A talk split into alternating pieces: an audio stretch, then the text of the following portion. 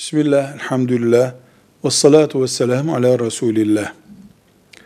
Adak yapmak, olmasını istediği bir iş ya da kurtulmak istediği bir iş, onun istediği gibi gerçekleşirse, ibadet olan bir şeyi söz vermek demektir. Tabi Allah'a karşı.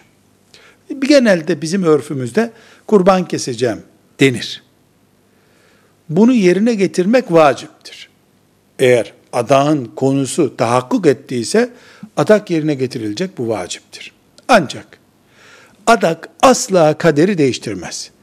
O adak yaptı diye veya adakta bulundu diye olmayacak olan olmaz. Olacak olan geri gitmez. Peygamber Efendimiz sallallahu aleyhi ve sellem böylece Allah cimriden sadaka çıkarır buyurmuştur. Yani adak çok teşvik edilen bir şey değildir. Bir tür boş boğazlılık gibidir.